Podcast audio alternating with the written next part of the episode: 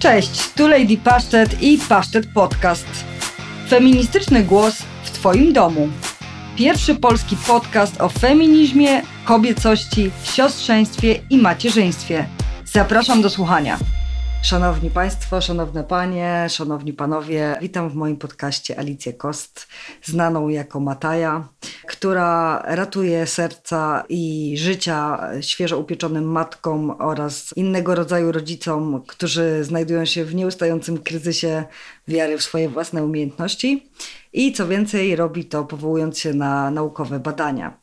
E, dzięki czemu, e, dzięki czemu, że tak powiem, te mity rozwala, jak e, tacy kiedyś byli, hmm, byli, to był taki program, tak? O takich, co mity rozwalali. Nie pamiętam, jak się nazywają, nieważne. W każdym razie dzisiaj z nami Alicja Kost, rozmowa, na którą bardzo długo czekałam i mam nadzieję, że się Państwu wszystkim spodoba, bo przekładałyśmy ją chyba już tyle razy, że to jest w ogóle jakiś wstyd. Opowiedz nam tutaj tak pokrótce, czym jest intensywne rodzicielstwo, bo myślę, że bardzo dużo osób tego nie wie albo nie zdaje sobie sprawy, że w ogóle takie zjawisko istnieje. Intensywne rodzicielstwo to jest taki właściwie macierzyństwo. Zaczęło się od macierzyństwa, nie rodzicielstwa, tylko jako intensywne macierzyństwo była pierwsza definicja. Jeśli się nie mylę, to jest definicja sformułowana w latach 90., czyli bardzo dawno temu przez Sharon Hayes. I intensywne rodzicielstwo to jest taki trend, który pojawił się te 30 lat temu. Znaczy 30 lat temu już był, ale on się intensyfikuje i polega na tym, że jest to filozofia rodzicielska ściśle skoncentrowana na dziecku, mm, kierowana przez ekspertów, e, wymagająca czasowo, finansowo i emocjonalnie. I myślę, że większość rodziców współczesnych się z tym bardzo identyfikuje. No brzmi to dosyć przerażająco, bo tak naprawdę niestety yy, mam wrażenie, że to jest yy, bardzo dobra definicja tego, jak w ogóle wygląda teraz macierzyństwo slash rodzicielstwo. Kiedyś to było głównie oparte na matkach, a teraz rzeczywiście widać ten ruch ojcowski, że on bardziej się angażują. Natomiast nadal moim zdaniem jest to przede wszystkim na barkach matek.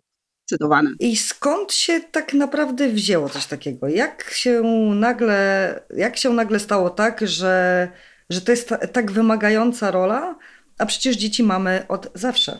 Wiesz co, no to jest w ogóle szereg różnych historycznych procesów politycznych, e, komercyjnych, no bo przecież jeżeli coś jest intensywne i wymagające czasowo i finansowo, co jest w definicji, no to wiadomo, że komuś się to opłaca. No, oczywiście. Dlatego właśnie moje kolejne pytanie jest o to, możesz oczywiście rozwinąć te wszystkie przyczyny, bardzo chętnie o nich posłuchamy, ale myślę, że też e, przekornie okazało się, że feminizm dokonał pewnego zwrotu, który miał kobiety jakby uwolnić od rodzicielstwa, w jakimś tam sensie dzięki tam pigułce antykoncepcyjnej i kontrolowaniu płodności. Natomiast e, nie do końca ta emancypacja się dokonała, w związku z tym tak naprawdę kobiety, które się decydują na założenie rodziny są potwornie obciążone jeszcze innymi obowiązkami, również według mnie obowiązkiem robienia tak zwanej kariery, cokolwiek ona by miała oznaczać to nagle się okazuje, że nie wystarczy ten dom, to dziecko, nie wystarczy y, to wszystko, co jest już bardzo dużo. Jeszcze do tego dochodzi posiadanie jakichś bardzo dużych ambicji i oczywiście super, jeśli są i chęć ich uskuteczniania na każdym polu. Natomiast jeszcze w tym są mężczyźni, ojcowie tych dzieci, którzy no jakby nie zrezygnowali ze swojej pracy w żaden sposób natomiast nie weszli tak wcale mocno w tę sferę domową. Tak, nawet było kiedyś, teraz nie wiem, było badanie, które, e, w którym prowadzono wywiady z matkami i ojcami e, małych dzieci i tam było takie bardzo fajne podsumowanie, że współczesne kobiety chcą pracować tak, jak, jak kiedyś ich pracujący ojcowie i jednocześnie matkować tak, jak kiedyś nieaktywne zawodowo matki. No to jest no, wiemy wszyscy, że nierealne, bo nie da się pracować tak strasznie intensywnie i być tak jednocześnie mamą, która jest w domu przez cały dzień. No, no jak, nie? Nie rozwoisz się. A wydaje się często, że prawie się niektórym udaje. I że wtedy te osoby prowadzą bardzo intensywne również konta w social mediach, mówiące o tym, jak doskonale realizują te dwie, wydawałoby się, niemożliwe do pogodzenia ze sobą role. I teraz moje kolejne pytanie brzmi tak. Czy wiedza ekspercka pomaga, czy przeszkadza współczesnym rodzicom? Wiesz co, to jest e, no, szalenie skomplikowane, bo z jednej strony myślę, że bardzo ułatwia. Dla mnie przede wszystkim wiedza o rozwoju dzieci, o tym, że nie wiem, dzieci odstawiają scenki i aferki i krzyczą mnie i, i tupią nóżkami i że to jest jakby normalny etap rozwojowy, a nie, że coś zwaliłeś jako rodzic, e, bo jesteś do bani i myślę, że to bardzo, bardzo pomaga taka świadomość, że no to po prostu jest, że dzieci odczuwają pewne rzeczy inaczej, widzą świat nieco inaczej i to pozwala odetchnąć, tak? Takie moje posty o, o nie wiem, o buncie dwulatka, na które podobno już nie można mówić bunt. tak, no bo to jest, to nie, oni się nie buntują, bo nie odkrywają swoje emocje, więc to jest kwestia nazewnictwa będzie. Natomiast one na pewno oddają taką ulgę, że, że, to, że to tak jest, a nie, że my wszystko robimy źle, ale z drugiej strony to rodzicielstwo eksperckości pokazuje niektórym, bo ono nie, w social mediach, o, w social mediach ma taki obraz, że wszystko robimy źle, nie? nie ma takiej rzeczy, o której dziewczyny się nie martwią, że, że, że nie zwaliły. E, także w tym zakresie na pewno przeszkadza. Natomiast ja nie wiem, czy to jest wiedza ekspercka, czy to jest sposób jej przekazywania bardziej, bo ja kiedyś powiedziałam, że badania rzadko dają e, proste odpowiedzi na trudne pytania, raczej dają trudne odpowiedzi na proste pytania i to wcale nie jest zwykle takie szare. A w mediach społecznościowych to ujęcie tych wszystkich aspektów badania, które ma kilkanaście stron, na dwóch slajdach, które mają powodować emocje, żebyśmy zareagowali, no jednak to nieco upraszcza i, i powoduje dużo wyrzutów sumienia. Także z jednej strony ułatwia, z drugiej utrudnia. No, nie ma prostych odpowiedzi. Sobie. Tak myślałam. Chciałam jednak, wiesz, troszeczkę tutaj poskrobać to, bo myślę sobie, że, że to jest super z jednej strony właśnie dostęp do tej wiedzy i to poczucie, że nie jest się samemu w tej sytuacji e, i że można znaleźć sobie rzeczywiście takie grupy wsparcia, gdzie się okazuje, że, że jakby to też jest, pokazuje według mnie aspekt zmiany pokoleń, tak, że, że ponieważ ta wiedza teraz jest i ona jest dostępna i można z niej korzystać, to jakby to rodzicielstwo jest zupełnie inne, macierzyństwo przede wszystkim, niż to macierzyństwo na przykład naszych mam. Zupełnie inaczej patrzymy tam na przykład na, nie wiem, no whatever, podawanie wody z cukrem dzieciom kiedyś tam, a teraz ale nie chcę wchodzić w takie szczegóły. Bardziej mi chodzi o to, że mm, to jakby z jednej strony czyni nas takie no, fajnie przygotowane do tego wszystkiego. Wszystko sobie można przeczytać, wszystko sobie można obejrzeć. Z drugiej strony mam wrażenie, że to jakby zabiera ten taki autentyczny luz, który miały kiedyś nasze, nie wiem, mamy pod tytułem no nie muszę tego wiedzieć, jakby nie wiem o tym i to wcale niczym nie gorszą mamą, tak? Jakby nie wiem, żyję, wszyscy żyją, wszyscy, właśnie to często się też powtarza, wszyscy przeżyli, no i co? To jest też taki paradoks, bo bardzo często współczesne mamy słyszą od tych poprzednich pokoleń, że wiesz, wy tu teraz macie łatwiej, bo macie słoiczki, pralki, a myśmy tam musieli na tarze w rzece 3 kilometry dalej prać. No i to jest prawda, na pewno to jest prawda. Fizycznie mamy dużo ułatwień, natomiast poziom tej poprzeczki, którą nam zawieszono w zakresie tego, co my mamy tym dzieciom zapewnić, jest dużo wyższy, więc znowu pewne rzeczy są łatwiejsze, e, inne są trudniejsze. E, I myślę, że tu zahaczasz też taki fajny, fajny wątek, że, że my już nic nie możemy, tak? Do wszystkiego potrzebujemy tej porady eksperta. No, od wybrania łyżeczki nawet. Dziewczyny się doktoryzują z wybierania łyżeczek i to nie jest żart, bo, bo ja wiem, że one się doktoryzują. Jedna mi kiedyś napisała, że tydzień spędziła na wybranie bidonu dla dziecka, a potem i tak się okazało, że wybrała źle, bo coś tam trzeba było rurkę przytyć, czy jakieś inne w ogóle dramatyczne rzeczy zrobić z tym bidonem. Więc my potrzebujemy tej wiedzy eksperckiej do wszystkiego i jakby straciliśmy zupełnie wiarę w rodziców, że, że też mogą coś zrobić po prostu sami z siebie, tak jak mówisz. Jakby dzieci są domeną naszego gatunku i potrafimy. I tak mi się to kojarzy z takim badaniem, które ostatnio opisywałam też na, na Instagramie. Ono dość e, duże zainteresowanie wzbudziło o wolnych dzieciach. To znaczy trzech takich starszawych panów już, ale bardzo lubię jednego z nich jako naukowca i badacza dzieciństwa. Popełniło taki artykuł. To nie była analiza empiryczna, to było taki jakby ich punkt widzenia w oparciu o dane innych badaczy, że współczesne problemy dzieciaków mogą wynikać po części także z tego, że myśmy zabrali im wolność, tak? Myśmy, mm, my rodzice chcąc zrobić jak najlepiej, e, zamknęliśmy ich w takich bańkach, że wszystko robimy pod nadzorem rodzica, żeby było jak najbezpieczniej, jak najlepiej i w pogoni za, za dobrymi intencjami być może troszeczkę przesadziliśmy. Ja myślę, że to samo mm, możemy też przenieść na rodziców, bo w pogoni za dobrymi intencjami, za to, żeby być lepszym rodzicem, żeby lepiej się opiekować tymi dziećmi, też, e, też właśnie zagalopowaliśmy się, mam wrażenie, w tym, że wszystko już musi być kierowane, my musimy kierować dziećmi w każdym kroczku, żeby one się rozwinęły jak najlepiej, a nami muszą kierować w każdym kroczku eksperci i wszyscy dostaliśmy po prostu kuku na mumu. nie ma, nie ma tego elementu że, że możemy polegać na sobie, na swojej intuicji, że my też możemy. I tak samo tam, tam pisali, że my dzieciom nie pozwalamy jakby poczuć, że one mogą, że, że, że potrafią coś zrobić, że mają jakoś, jakąś sprawczość po prostu same z siebie, bez, bez totalnego nadzoru rodziców. I ja myślę, że my też często, jakaś tam garstka tych rodziców intensywnych właśnie też tak czuje, że, że, że nie ma tej sprawczości żadnej, że wszystko, każdy ich krok musi być kierowany. I takie jest trochę odbierające radę. No na pewno, wiesz, ja właśnie wczoraj wyrzuciłam całą siatkę po prostu różnych dziwnych plastikowych rzeczy, które kupiłam e, przy pierworodnym, które miały mi ułatwić życie, głównie zapychały szufladę, a jakby miały być stosowane do różnych faz picia na przykład, nie? Bo jakby dziecko nie rozumie tego, że może się, znaczy wyleje, no oczywiście, że wyleje, ale że jakby są jakieś pośrednie gadżety do pośrednich faz, kiedy ono skuma, że ze słomki to można skupić kubka też, nie?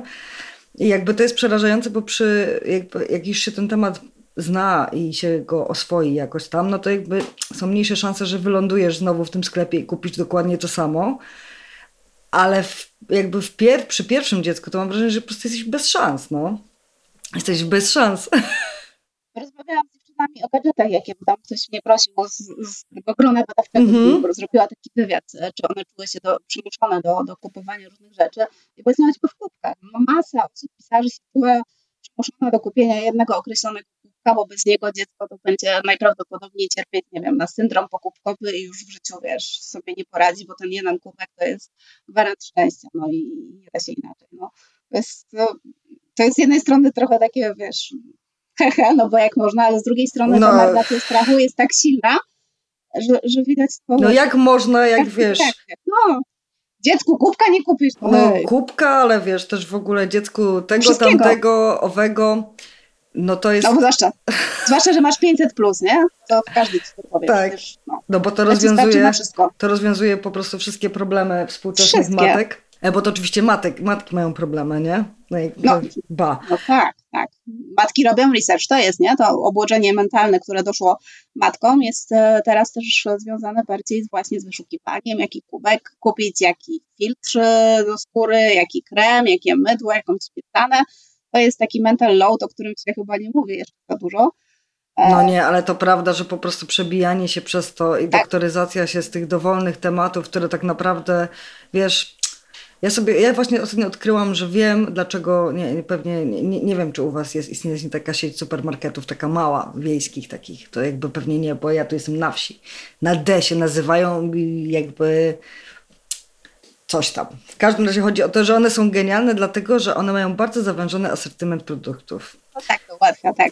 I myślę, że to jest właśnie coś, do czego będziemy w jakimś sensie, będzie ten antytrend, tak? Będziemy dążyć do tego, żeby może nie pić e, z e, kubka wyrzeźbionego z kory brzozy, ale że może, może jest, jakaś, jest jakiś cień szansy na to, żeby to odwrócić. Chociaż z trzeciej strony, wiesz co, no jeżeli dorosłe kobiety czują się w obowiązku kupić odpowiedni bidon i też się doktoryzują z tego, jaki to bidon będzie pozwalał im wypijać tej wody, co one tam mają jej wypijać. Te bidony kosztują po dwie stówy. Mhm. No to jakby mimo wszystko. Ale wszyscy je mają. Wszyscy je mają, właśnie to jest to. Jakby jest mi aż głupio, że ja nie, że kupiłam kiedyś, wiesz, szybko pędząc na lotnisko kupiłam sobie jakiś tani bidon, bo sobie pomyślałam, że nie będę przecież w tych eurosach kupować, jak tam wszędzie kranówka jest.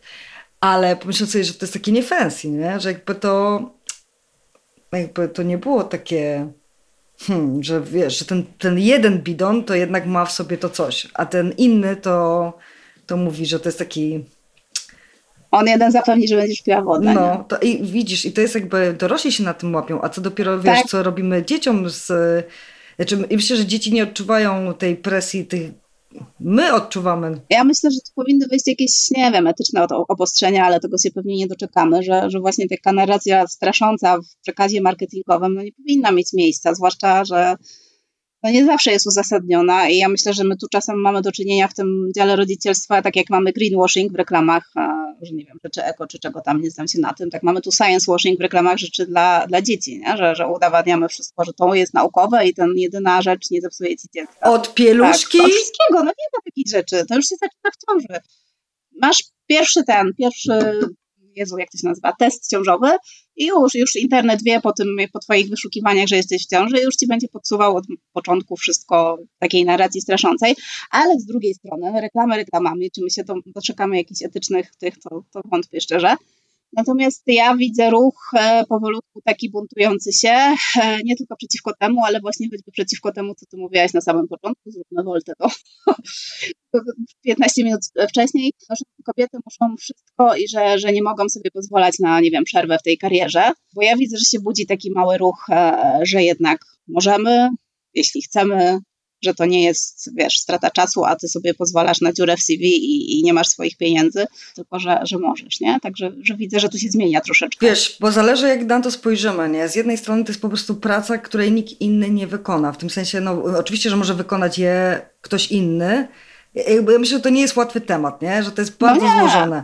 No bo, tak. bo oczywiście z jednej strony e, super byłoby dostawać za to pensję, tak szczerze powiedziawszy. Nie? No pewnie. Pewnie. która by ci to e, CV uzupełniała w jakiś tam sposób.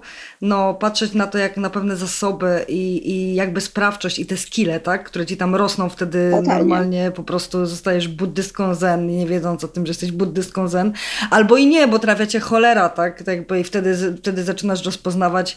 Ja na przykład dzięki posiadaniu dzieciom dowiedziałam się, że ja się złoszczę. Jakby nie, nie wiedziałam o tym wcześniej. No tak, bo dzieci potrafią bardzo łatwo wyprowadzić z równowagi. Ja też jestem trochę zen, a potem się okazało, że nie zawsze. No więc jakby wiesz, to dla mnie było bardzo, bardzo się zdziwiłam, nie? Ale tak, tak się okazało. I teraz y, nie ma na to według mnie łatwej odpowiedzi, bo jest tych zagrożeń we współczesnym społeczeństwie, kiedy możesz zostać sama zupełnie bez pieniędzy. Jasne. Z tą dziurą w CV też jest dużo takich e, niestety smutnych sytuacji.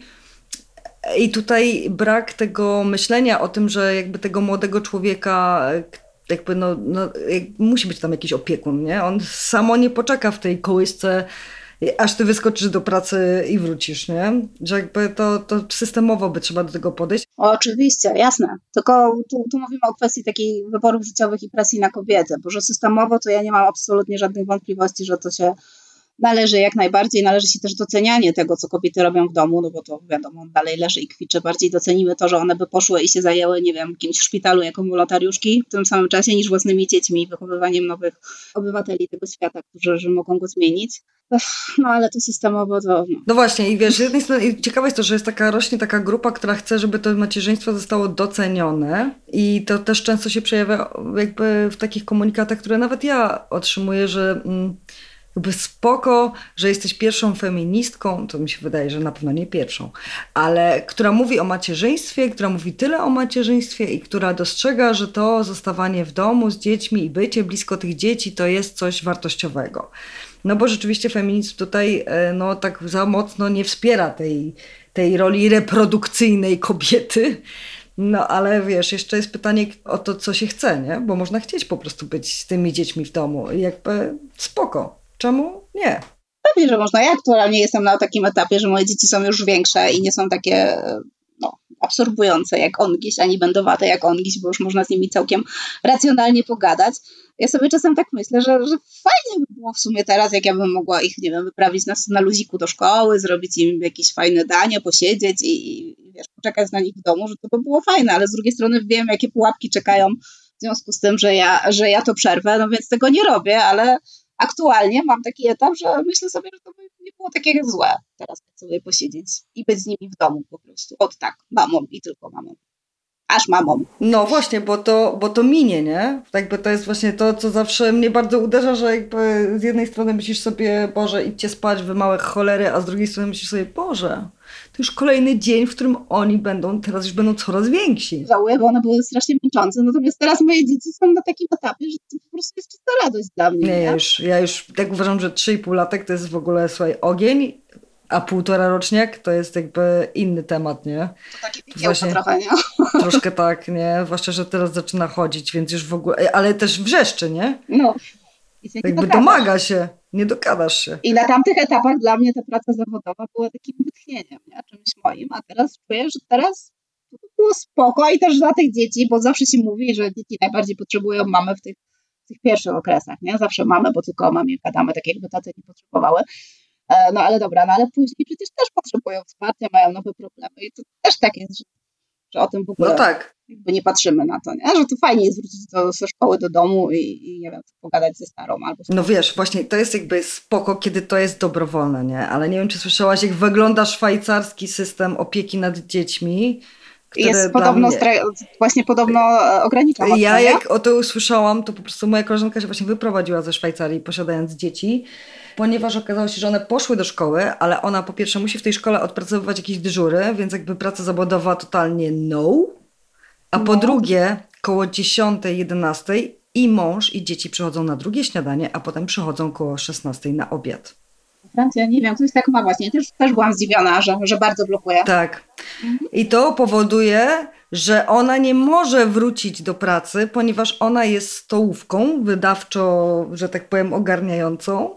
I dopóki oni wszyscy, jakby, mąż to już pomijam, ale te dzieci nie pójdą dalej w edukacji, czyli po liceum, to ty jakby nie jesteś w stanie w ogóle ogarnąć swojego życia zawodowego. Fajne elementy na przykład dają dużą wolność dzieciakom podobno, właśnie chodzą same do tej szkoły, ale o tym słyszałam, że bardzo blokuje tą aktywność zawodową mamy, jeżeli ona chce.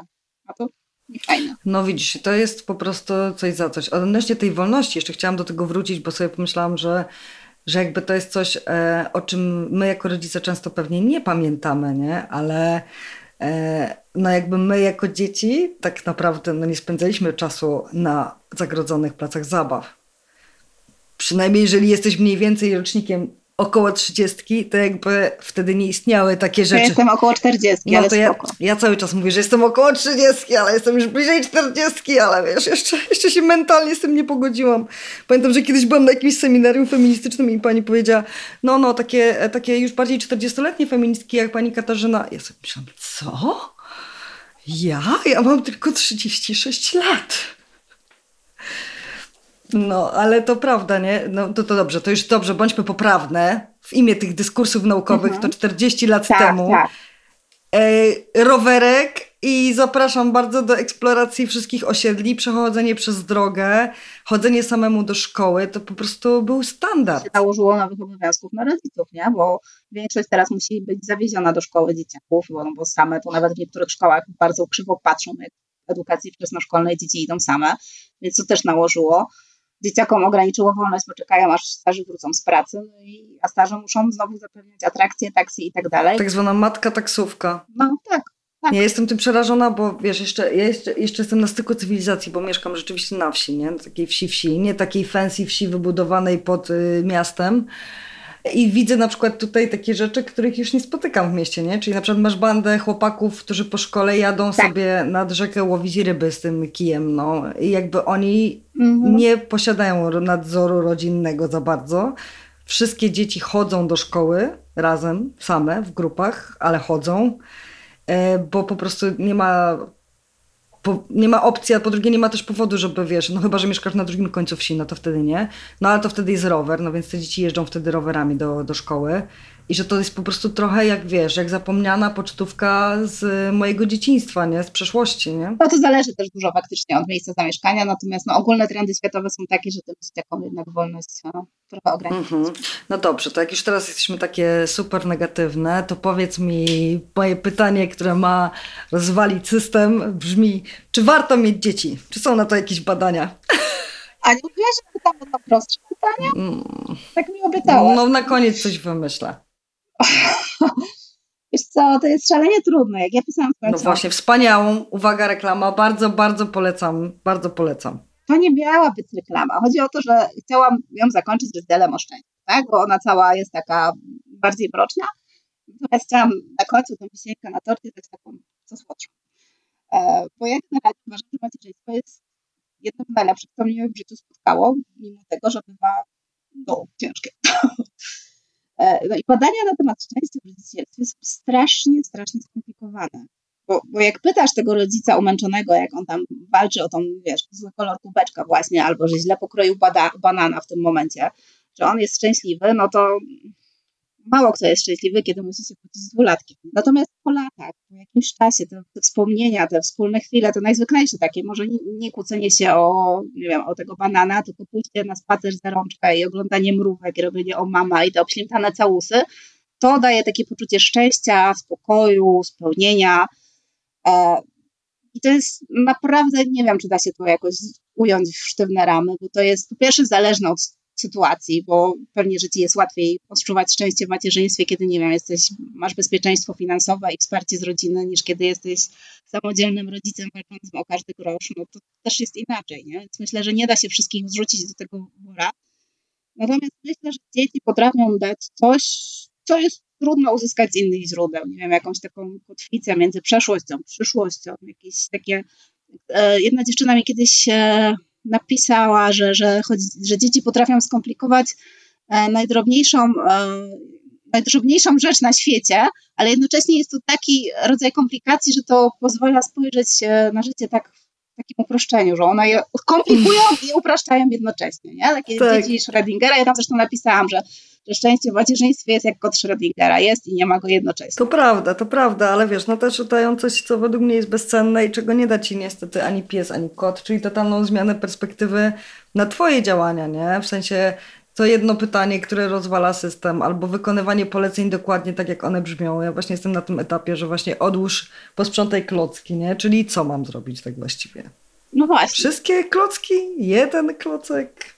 No to jest niedefiniowalne dla mnie to jest. To jest, e, nie wiem, dla, dla mnie to jest wspaniałe, E, fajnie jest mówić o mrocznych stronach, żeby ludzie mogli się decydować świadomie na to, co się decydują. I, i najbardziej mnie zaskoczyły reakcje na moją książkę, taka propos mojej książki, której miałeś mi Naprawdę? Mówić, e, że nie, że... Nie, ale ja chcę o niej mówić, bo ja ją bardzo lubię. I uważam, że w ogóle się ją powinno kupować jako prezent świeżo upieczonym matkom albo komuś tak już na końcówce, żeby się mógł przy, jakby, żebyś się mogła tak psychicznie przygotować na to, że po prostu zaraz do twojego życia wkroczy jakiś milion ekspertów, o które nie prosiłaś, a nie masz siły z tym walczyć, nie? Trzymam tak. Ja myślałam, że to jest dla kogoś, kto już trochę w tym siedzi i wie jak jest, że będzie mu łatwiej zrozumieć, a nie chciałabym straszyć kogoś, kto jest przed. A tymczasem Ale ja, ja właśnie myślę, że to nie dostaję wiesz, wiadomości od dziewczyn, które nie wiedziały, czy chcą, czy nie chcą i to im pomogło zdecydować. I to jest dla mnie takie dziwne, szokujące. No nie wiem, to wiesz, to jest pytanie, co tam się składa na jakąś decyzję, ale ja myślę, że w twojej książce jest mimo wszystko bardzo dużo ciepła, więc jakby nie poszłabym w tą stronę, że wiesz, ona jest strasznie, straszna i mroczna.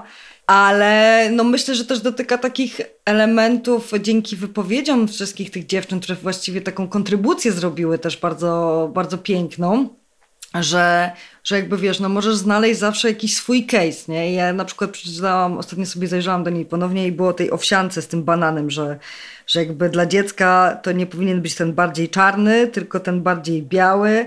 I sobie myślałam, Jesus, to tak. po prostu jest jak z mojego życia, nie? Ja to słyszałam, ja to słyszałam po prostu. I jakby, że lepsze daj dziecku, ale co to znaczy lepsze, tak? I jakby wiesz, że jakby ta matka to już w ogóle niech ona tam żywi się może tą energią słoneczną, tym chlorofilem i tym zapachem bobasa, ale jakby generalnie wiesz, teraz wnuk na pierwszym miejscu, nie? A ty jakby go. Tak, ty się poświęć. No ale widzisz, tam też było taki fajna wypowiedź e, innej dziewczyny o tym, jak e, macierzyństwo amplifikuje uczucia, nie? Że nigdy wcześniej przed dziećmi nie wiedziała, że może być tak wkurzona, to już same mówiły, tak zestresowana jakimś rzeczą, tak przerażona, jednocześnie tak szczęśliwa, tak radosna e, i tak dalej taki rollercoaster emocji z góry na dół bardzo silnych, bo to faktycznie ja już tego też zaczęłam w życiu doświadczać dopiero po dzieciach. To może być takie ekstremalne, mocne, nie jakieś tam w skali takiej byle jakiej, tylko w takiej, jak, jak uderza, to mocno, nie? No to prawda, to prawda, że te emocje zupełnie inaczej się wtedy odbiera, nie? Dobrze, miało być jakieś e, łatwe pytanie. Ja nie mam tutaj łatwych pytań, no. Dobrze, twoje ulubione ciastko. O Jezu, brownie. Dobra, to było za proste. No, no widzisz, i teraz już za, zawsze tak źle, tak niedobrze. No jak w macierzyństwie, widzisz? Tak, to, to jest idealny podcast o macierzyństwie. Zawsze źle. Zawsze źle, tak, dokładnie tak, zawsze źle. Ale kończąc, nie, kończąc, powiedz, czy masz jakąś taką radę, jak nie, jak mądrze wybierać te różnego rodzaju eksperckie porady w tym całym takim albo jak, jaki, zrobić, jak, jaki zrobić wyłom w tym intensywnym rodzicielstwie. Ja mam wrażenie, tak e, odpowiadając oczywiście na swoje pytanie, które ci zadaję, ze szlachetno, e, zgodnie ze szlachetną tradycją podcastów, że ty często jakby dzieląc się doświadczeniami ze swojego życia pokazujesz, że można inaczej, nie? I że oczywiście to budzi jakiś tam oddźwięk i oczywiście dobrze, tam nikt nie wzywa mopsu, że pozwalasz dzieciom samym chodzić do sklepu, ale mm, mam wrażenie, że to jest takie otwierające dla innych ludzi, że oni już się tak bardzo zamknęli w tej, wiesz, bańce eks, tego, co można, co nie można, co to życie zrujnuje, czy ten bucik, czy ta słomka, czy to, że jak ty napiszesz, że ej, to jakby tak naprawdę nie ma znaczenia, to że jakby robisz w tym wyłom. Więc jak to tak jakoś niwelować, powiedz. Jak to niwelować? Przede wszystkim w kategorii, nie wiem, jak ktoś powołuje się na badania naukowe, to, to trzeba pamiętać, że one są skomplikowane i że tu jakiś nie ma zwykle prostych, czarno-białych odpowiedzi, więc warto szukać kompleksowości w tym, co ktoś pisze, odpowiadać sobie na pytanie. To też takie fajne ćwiczenie. Czy jakaś inna, inna rzecz, inny czynnik mógł stać za takim, a nie innym wynikiem? Czy tylko ta jedna rzecz rzeczywiście mogła mieć wpływ na, na to, co ktoś tam przedstawia? E, czy mogły na nią wpłynąć też jakieś czynniki, które każdy, z którymi każdy z nas się w życiu, nie wiem, styka, socjoekonomiczne albo coś innego wpłynęło na taki wynik. To jest takie fajne ćwiczenie e, kognitywne, że zawsze jak widzimy te takie treści, to, to warto się zastanowić. Warto zastanowić się na to, jak reagujemy na treści w social mediach, bo wiadomo, że algorytm podsyła nam to, co, na co reagujemy, e, a zawsze łatwiej reagujemy e, na rzeczy, które są emocjonalne i pobudzają nas do takiej reakcji, więc jeżeli będziemy sobie reagować na takie najprostsze, uproszczone przekazy, no to takie będziemy dostawać, e, a łatwiej jest na takie reagować niż na to zależy, które jest najbardziej e, odpowiednią odpowiedzią na większość dylematów. Bo to zależy, to jest chyba odpowiedź, która, która powinna sobie wyryć na ścianie. Co jeszcze? Ja lubię sobie też rzucać takie, wiesz, wyzwania, bo, bo czasami się zamykamy w takich bańkach sami, bo, bo, bo jest taka dychotomia rodzicielstwa, że można wybrać e, albo dobrze, albo źle, nie ma, e, nie ma nic pomiędzy i potem staramy się utwierdzać w tym przekonaniu, że my wybraliśmy źle, skoro ten konkurencyjny wybór jakby jest e, zły i szkodliwy i szukamy tego potwierdzenia, ale czasem właśnie warto szukać też, też takich innych podejść i, i, zobaczyć je, nawet jeżeli może, może sprawią, że nie czujemy się zbyt komfortowo z tym. Ja tak lubię. Ja lubię robić algorytmom kuku na muniu i, i obserwować inne rzeczy niż on by podejrzewał ten cały algorytm, że ja będę. I to później fajnie pokazuje zróżnicowanie i, i wyciąga z takiej bańki. A poza tym to nie wiem, jakby to było proste, to bym pewnie już opatentowała. A to nie jest proste, bo nie da się poprzeć, tak wiesz, presji kulturowej po prostu w żadnym aspekcie, nie? No nie, no myślę, że trzeba się z tym pogodzić, że też w pewnym momencie no naprawdę gdzieś tam jakoś klękniemy, ale że wiesz, że można wstać i jakby, że to nie jest koniec świata, nie? No ja właśnie wywalając reklamówkę pełną plastiku myślałam sobie, no, no tak, wtedy na ten moment myślałam, że to jest bardzo ważne, no jakby trudno się teraz też biczować, tak? Każdy staramy się robić jak najlepiej w danym momencie. Ja bym tylko chciała, żeby to, to bieganie za czymś jak najlepszym, bo to samo w sobie takie dążenie do tego, żeby być jak najfajniejszym rodzicem jest oczywiście super. Natomiast e, dla mnie sygnałem alarmowym chyba byłoby, gdyby to zabierało mi całą radość z rodzicielstwa. Gdybym ja była tak umęczona, że jestem już niewyspana, ale i tak dobra, jeszcze przez godzinę porobię ten research idealnego po prostu bidonu czy, czy, czy łyżeczki, żeby nie zniszczyć życia dziecku. Jeżeli to dochodzi do takiej skali, no to może to jest taka czerwona flaga, że, że warto zrobić krok do tyłu, obserwować trochę kont, zrobić sobie przerwę od social mediów albo zaobserwować na razie tylko, nie wiem, konta z wesołymi kotkami czy coś takiego i, e, i w ten sposób spróbować, czy, czy nie będzie wtedy łatwiej, milej, albo pójść po prostu do psychologa, bo wypalenie rodzicielskie jest e, faktem autentycznym, e, jest diagnozowane coraz częściej. My w Polsce mamy w skali światowej całkiem wysokie odsetki wypalonych rodziców, plasujemy się na podium, także no warto się tu obserwować i jeżeli czujemy, że, że to rodzicielstwo przestało nam sprawiać radość, tylko właśnie jest takim strasznym obowiązkiem, no to poszukać pomocy, bo, bo szkoda tego rodzicielstwa, szkoda, żeby ono było tylko takim uciemiężeniem, bo, bo ono nie powinno tym być tak naprawdę. To nie ma być tylko przykry obowiązek, to przecież jest i powinna być radość i ja mam problem z tym, że tą radość zabrało dla wielu rodziców. Bardzo pięknie powiedziane i ja ten apel wzmacniam, bo ja sama poszłam do psychologa, kiedy zauważyłam, że coś tutaj jest nie tak i że jakby tej radości mam mało. Dzięki temu tej radości mam teraz o wiele więcej i myślę sobie, że bez tej pomocy byłoby naprawdę ciężko. I druga rzecz, która mi pomogła, o której wspomniałaś, to po prostu odlajkowanie kont, które mi nie służyły. Po prostu usiadłam pewnego dnia z telefonem i powiedziałam, co mi pomaga. To zostawiłam, a to, co mi nie pomagało, po prostu wywaliłam wszystko, no. I to była ulga. Ja myślę też, że coś, co zabiera czas, bo czasami rzeczy nam po prostu zabierają czas, nie wnosząc nic w życie. I jak to, to będę ja nawet, to też odlajkujcie, bo to nie ma sensu siedzieć tam, bo siedzę piąty rok. No po co?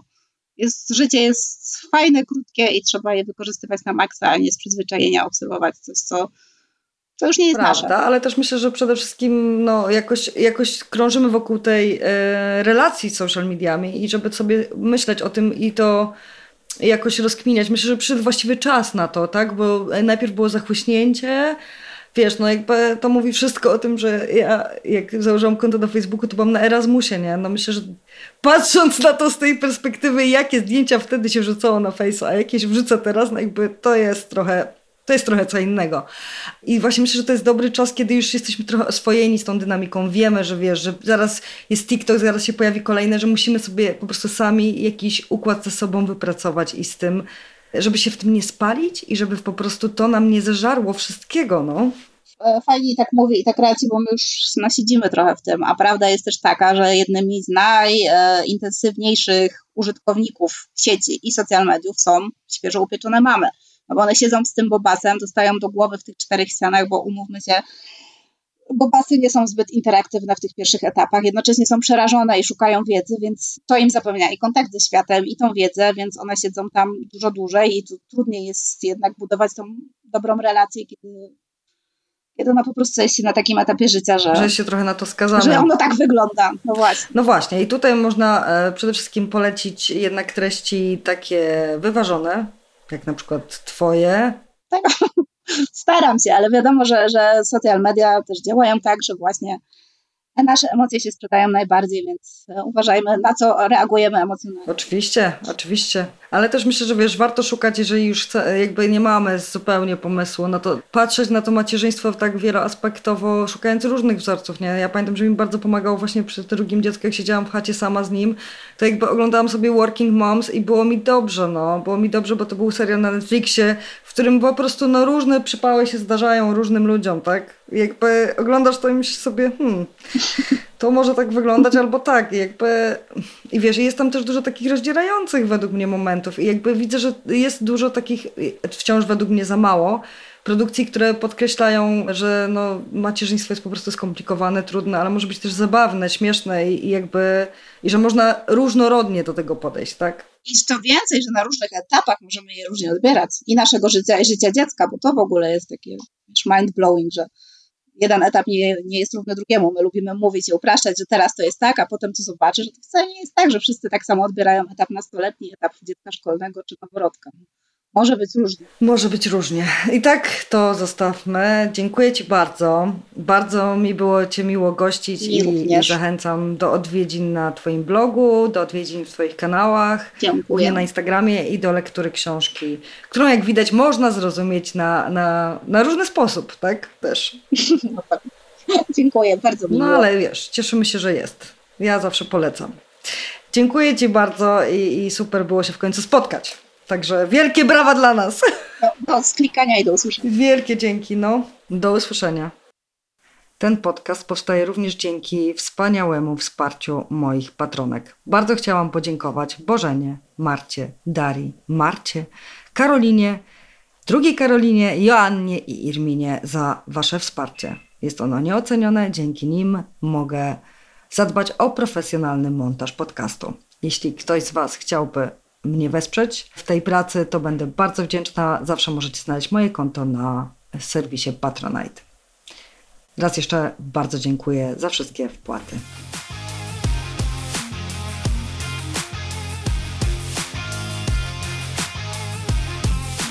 Ten materiał powstaje dzięki wsparciu wspaniałej grupy patronów i patronek na portalu patronite.pl. Jeśli podoba Ci się ten materiał, także możesz wesprzeć mnie dobrowolną wpłatą na www.patronite.pl ukośnik Lady Pasztet. Za każdą złotówkę bardzo serdecznie dziękuję.